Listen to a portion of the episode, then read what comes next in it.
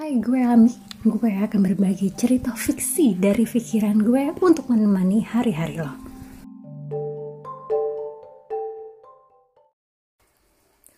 Oke, jadi cerita yang pertama ini judulnya Nenek Sihir sama dengan kakakku. Ceritanya ini soal cowok yang lagi bingung karena dia tuh udah terlalu bucin sama ceweknya. Tapi teman-temannya, sahabatnya kayak ngomong ini cewek nggak pantas buat lo gitu. Dan yang paling parahnya lagi kakak ceweknya juga ngomong kayak gitu. Tapi si cowok ini tuh sebel setengah mati sama kakak ceweknya karena kakak ceweknya itu yang sotoy yang nggak sotoy juga sih kayak sombong ngebosi gitu. Tapi apa yang diomongin kakak ceweknya ini selalu bener makanya kenapa nanda sihir sama yang kakakku? Ayo kita dengar aja ceritanya lanjut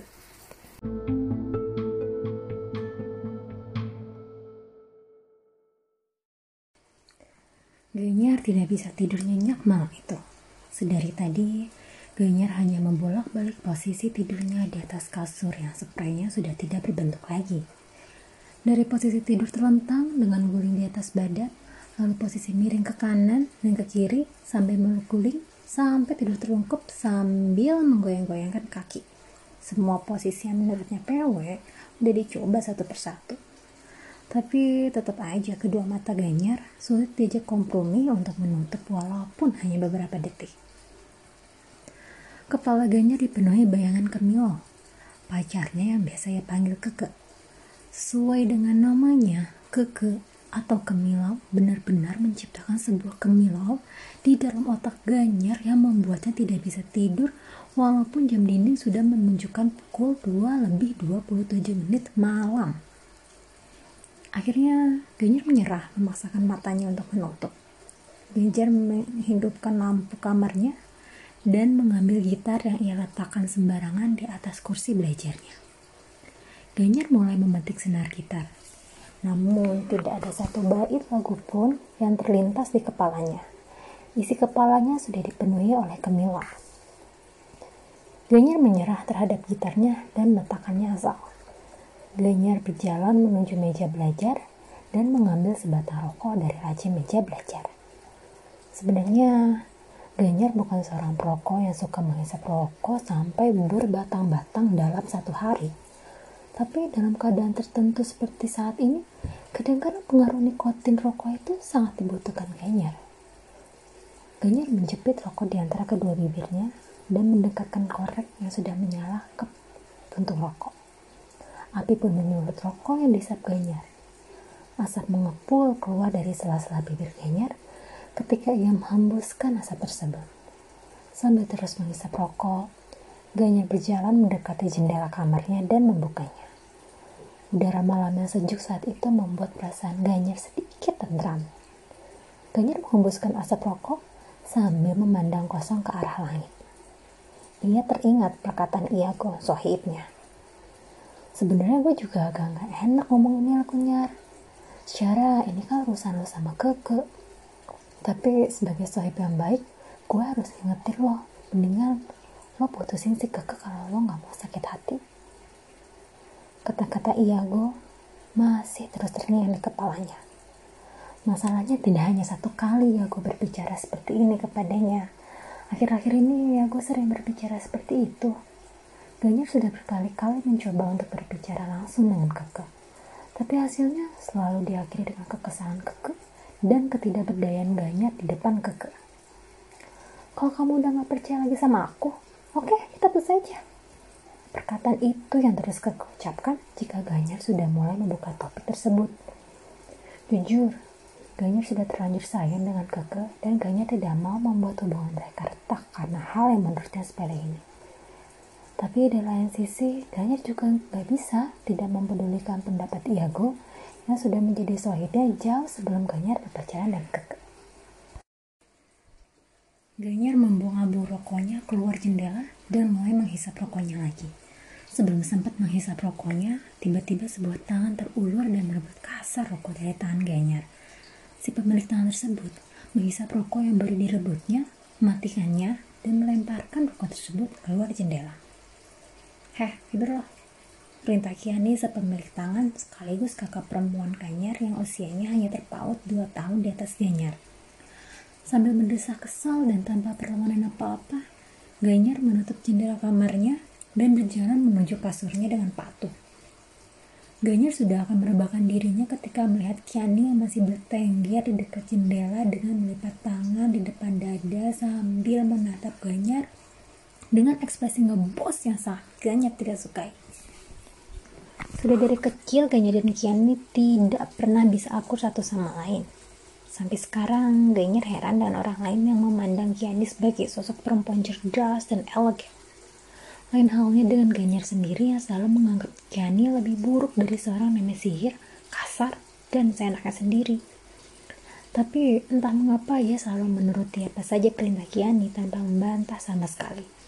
Ingin sekali-kali Ganjar melawan perintah Kiani, tapi sulit dilakukan. Hal itu karena setiap perintah Kiani selalu benar dan baik bagi dirinya sendiri. Tapi walaupun begitu, tetap saja Ganjar sangat-sangat tidak menyukai kakak perempuan satu-satunya itu. Ngapain masih di situ? Tanya Genyer kasar yang selalu ia lakukan terhadap kakaknya. Sampai tersenyum sinis, Kiani berjalan mendekati kasur Genyer dan duduk di sana.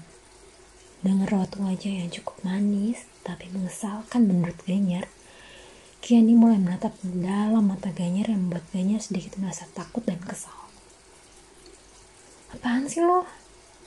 Seru Ganyer kesal sambil menarik bed cover hingga menutupi wajahnya. Tapi Kiani menarik bed cover tersebut dengan kasar sehingga wajah kesal Ganyer terlihat lagi. Ada masalah sama lo kan? Tanya Kiani tanpa basa-basi. Ganyer hanya berdecakkan lidahnya kesal dan menarik kembali bed covernya sehingga menutupi kepalanya lagi. Kali ini Ganyer memegang bed covernya erat-erat agar Kiani tidak dapat menariknya lagi seperti yang ia lakukan tadi. Kayaknya selalu heran, kenapa Kiani selalu mengetahui masalah-masalah yang ia hadapi sejak mereka kecil. Hal tersebut selalu membuat Ganyer kagum sekaligus takut kepada Kiani yang menambah rasa tidak suka terhadap kakaknya itu. I'm stupid, cerita sama gue makanya. Ujar Kiani dengan nada gemesnya yang juga Ganya tidak sukai. Tuh, sampai seribu tahun lagi baru gue mau cerita sama lo. Ujar Ganyar dalam hati. Setelah berkata begitu, Ganyar merasakan kasurnya bergerak pertanda Kiani sudah berdiri dan tidak lagi duduk di kasurnya. Tidak lama pintu kamarnya pun berdiri pelan yang menandakan Kiani juga sudah keluar dari kamarnya. Ganyar mengintip ke sekeliling kamarnya dari balik bed cover untuk memastikan Kiani benar-benar sudah pergi dari kamarnya. Setelah benar-benar memastikan tidak ada Kiani di kamarnya, Ganyar menurunkan bed cover dari wajahnya. Ganyar menguap lebar hingga air matanya keluar. Kali ini kedua mata Ganyar mau berkompromi dengan otaknya. Tidak lama, Ganyar menutup mata dan kesadarannya pun perlahan-lahan menghilang.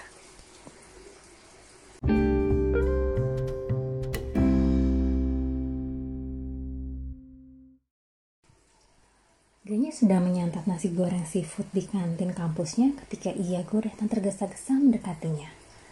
Ganya tidak mempedulikan kehadiran sohibnya tersebut. Ia masih terus mengunyah nasi goreng seafoodnya itu. Iago duduk di hadapan Ganya duduk. Tanpa perizinan dari Ganya, Iago mengambil es jeruk Ganyar dan meminumnya tiga hingga empat teguk. Ganya sudah biasa oleh gangguan Iago ini mendiamkan saja perbuatan sahibnya. Gimana lo sama kakaknya? Tanya Yago mulai buka topik pembicaraan yang sudah sangat alot di telinga Ganyar. Kenapa sih? Tanya Ganyar mulai masa jengkel. Emang kenapa kalau gue sama kakak masih jadian? Gak lo, gak kakak gue, macem-macem macam nanyanya. Lo berdua ada masalah sama gue dan kakak. Kakak lo? Tanya Yago heran. Iya, kakak gue yang mana lagi selain si Kiani nenek sihir gila itu. Ujar Ganyar dengan kesal.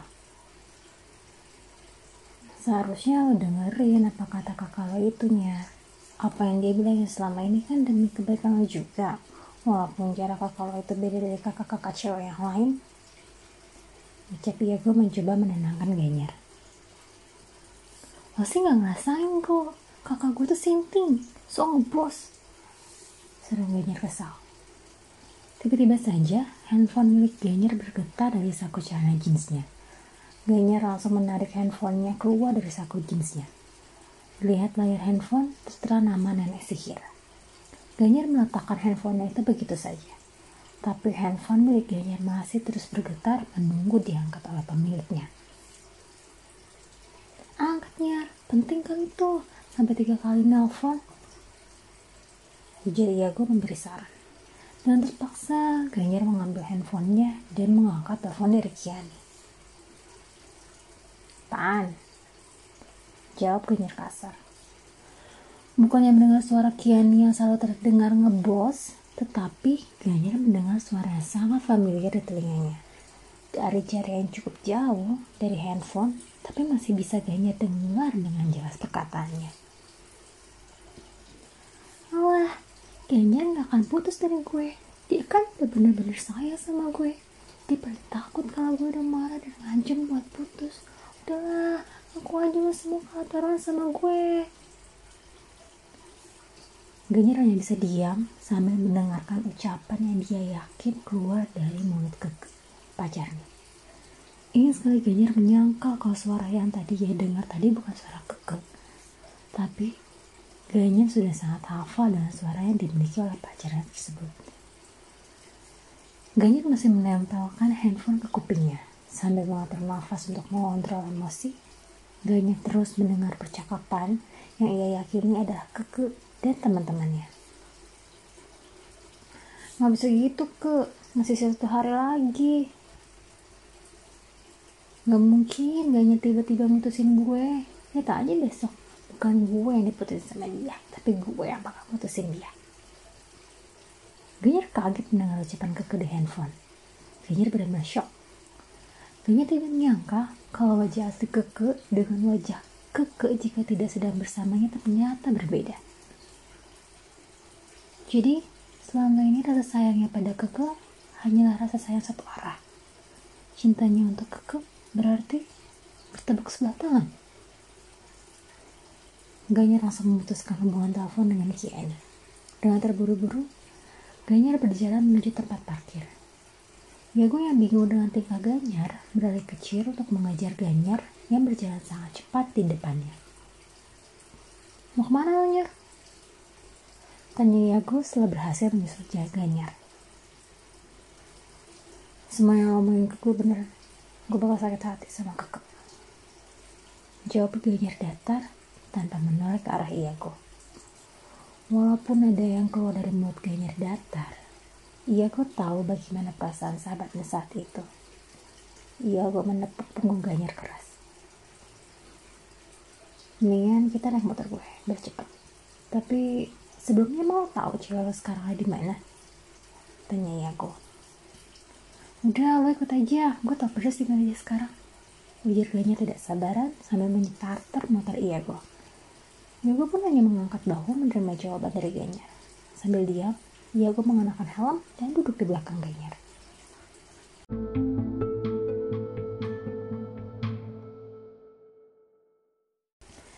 Ganya dan Iago langsung memarkirkan motor yang mereka kendarai di tempat parkir motor di sebuah kampus. Sambil melepas helmnya, Iago celingukan kanan kiri memperhatikan lingkungan kampus tempat mereka berada sekarang. Ini kan bukan kampus ke Kanyar? Tanya Iago heran. Ya iyalah, Keke kan satu kampus sama kita. Jawab Ganyar sambil menyimpan helm yang dipakainya dan helm yang dipakai Iago. Terus ini di mana? Perasaan gue pernah ke sini sebelumnya. Ujar Iago sambil berjalan di samping kerja. Ganyer hanya tersenyum sinis sambil berjalan cepat ke suatu tempat. Diego tidak lagi banyak bertanya. Dia hanya mengikuti ke mana Ganyer berjalan sambil terus mendebak-debak kampus siapakah ini. Ganyer menghentikan langkahnya diikuti oleh Iago yang melihat heran ke arah. Raut wajah Ganya serius terus melihat pada sekumpulan perempuan yang sedang duduk di salah satu kursi lingkar yang terbuat dari semen di antara gedung-gedung kuliah. Iago mengikuti arah pandangan Ganyar. Diego melihat wajah yang ia kenal di antara kumpulan cewek tersebut dan ia yakin wajah itu yang membuat raut wajah sahabatnya tersebut berubah menjadi semakin tegang. Camilo ada di sana, sedang duduk bersama teman-temannya. Salah seorang temannya membisikkan sesuatu ke telinga Camilo yang membuatnya menoleh dan melihat keberadaan Gainer dan Iago. Sambil tersenyum manis khas Camilo, perempuan itu berdiri dan berjalan keluar dari kumpulan teman-temannya menuju tempat Ganya dan Iago berdiri. Kok kamu tahu aku di sini ya? Tanya kakak manis yang mencium pipi kanan Ganyar. Ganyar masih diam. Dia tidak balas memeluk kekeh seperti biasanya. Kekeh menyadari keanehan sikap Ganyar dan masih terus tetap tersenyum. Hai Go, apa kabar? Sapa keke mengalihkan pandangannya langsung ke arah Iago. Iago yang bingung dengan keadaan aneh antara keke dan Ganyar hanya membalas sapaan keke dengan senyum yang dipaksakan. Aku mau ngomong penting ke kamu. Ujar Ganyer data sambil menarik lengan keke yang langsung dilepas keke.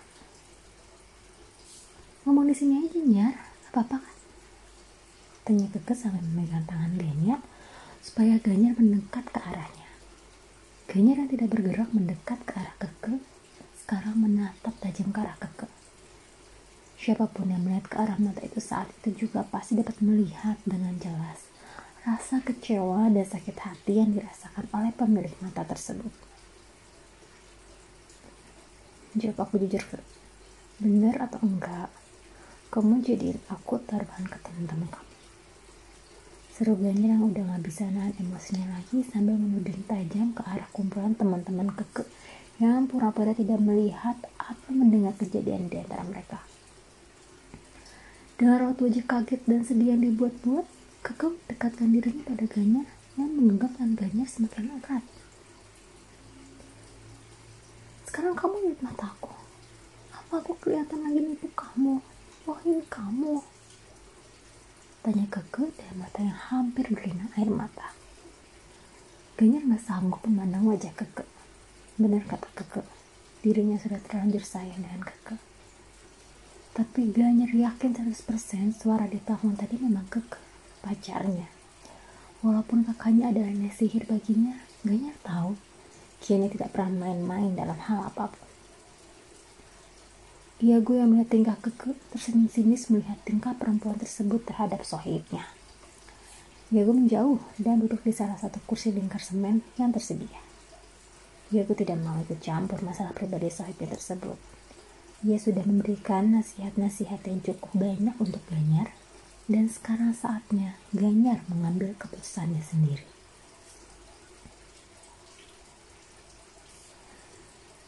Ganyar mengalihkan pandangannya dari wajah kekal. Ganyar benar-benar bingung saat itu. Ganyar benar-benar memerlukan bantuan saat itu. Dan yang paling membuat Ganyar heran, ia sangat menginginkan Kiani ada di sini sekarang. Hal tersebut mungkin saja terjadi karena kampus tempat mereka berada adalah kampus tempat Kiani kuliah. Dan tahu bahwa Kiani tidak pernah meninggalkan kampusnya dari pagi sampai sore hari. Oke kalau gitu, terserah kamu. Jawab Keke sambil merajuk dan pergi meninggalkan Ganyar yang masih bingung dengan dirinya sendiri.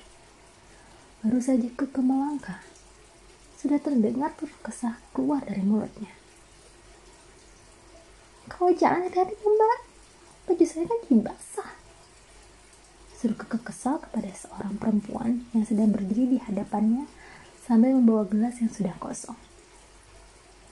Maaf ya, gue sengaja kok.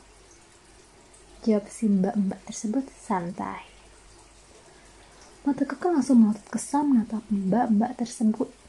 Tapi mata Ganya dan Iago lebih melotot tidak percaya melihat mbak-mbak sinis yang ternyata adalah Kiani. Kiani berjalan mendekati Ganyar yang sedang tertunduk tidak berani memandang Kiani.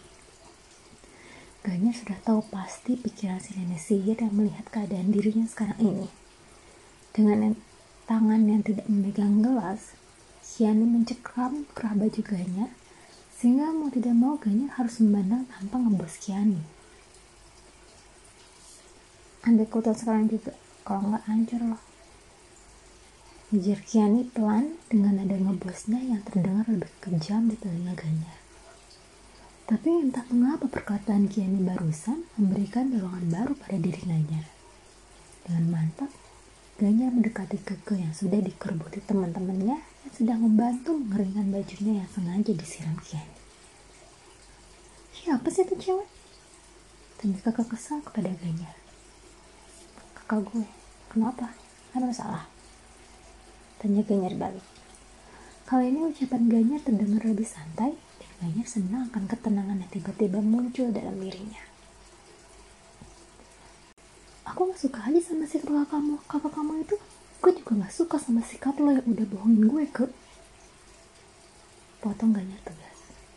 Keke dan teman-temannya sibuk mengeringkan baju terdiam seketika.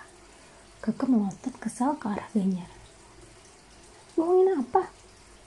Itu terserah kamu. Balas keke tidak mau kalah. Gue lebih percaya kakak gue. Lo jadian sama gue cuma karena taruhan sama teman-teman lo ini doang kan? Seruannya lebih tegas daripada sebelumnya sambil menunjuk ke arah teman-teman keke teman-teman keke terlihat salah tingkah mereka mencoba menasihati keke supaya mengakhiri semua permainan mereka dan jujur sama Ganyar tapi Keke terlalu keras kepala untuk dinasehati oleh teman-temannya. Apa buktinya? Tanya Keke lebih sengit. Tanpa berkata apa-apa, Ganya mengeluarkan handphonenya dan memutar percakapan Keke bersama teman-temannya. Ganya bersyukur dia sempat merekam percakapan tersebut dan lebih bersyukur lagi karena Kiani sudah memberikan informasi tersebut walaupun Ganya malu mengakuinya di depan umum. Keke terdiam seketika ia sudah tidak bisa mengelak lagi. Bukti percakapan yang ada di tangganya merupakan bukti konkret yang tidak bisa ia pungkiri lagi. Camilla tertunduk. Kemilangnya sedikit demi sedikit memudar di mata Ganya. Ganya memasukkan handphonenya kembali ke dalam saku. Maaf ya, udah ngebuat lo kalah taruhan. Nah sekarang kita putus. Makasih udah nemenin gue selama ini. Meskipun alasan lo jadian sama gue bikin gue sakit hati. Gue pernah sayang sama lo dan gue seneng pernah jadian sama lo. Anjir kayaknya Ram mencoba mengakhiri hubungannya dengan Keke diakhiri dengan perkataan lembut tanpa emosi. Ganyar langsung meninggalkan Keke dan teman-temannya. Ganyar kembali kepada Iago dan Kiani yang berdiri tidak jauh dari Keke dan teman-temannya. Iago menepuk punggung Ganyar sambil tertawa dan memeluk sohibnya tersebut gitu dong bro. Biar ia ke menyemangati kayaknya thanks nasihat lo gue sorry tadi pagi gue marah-marah sama lo. Ucap gue pelan. Jangan lupa sama gue gue lagi jasa. Ujar Kiani tiba-tiba dengan gaya ngebosnya thanks kak. Ujar pelan tetapi masih bisa terdengar oleh Kiani yang tersenyum puas atas ucapan terima kasih dari Genya. Jenny melihat ke arah jam tangannya. Oke, gue balik sekarang. Tanpa banyak basi-basi, Jenny langsung melangkah pergi meninggalkan Genya dan Iago berdua masuk ke salah satu gedung. Sambil melihat kakaknya berjalan pergi, Genya menyadari betapa perhatiannya Kiani terhadap dirinya. Kalau diingat-ingat, selama ini Kiani selalu memberikan nasihat dan semangat kepada dirinya dengan gaya ngebus adalah yang sangat tidak disukai Kenya. Tapi hanya dengan gaya ngebos Kiani, Ganya dapat menyelesaikan masalah-masalah yang ia hadapi.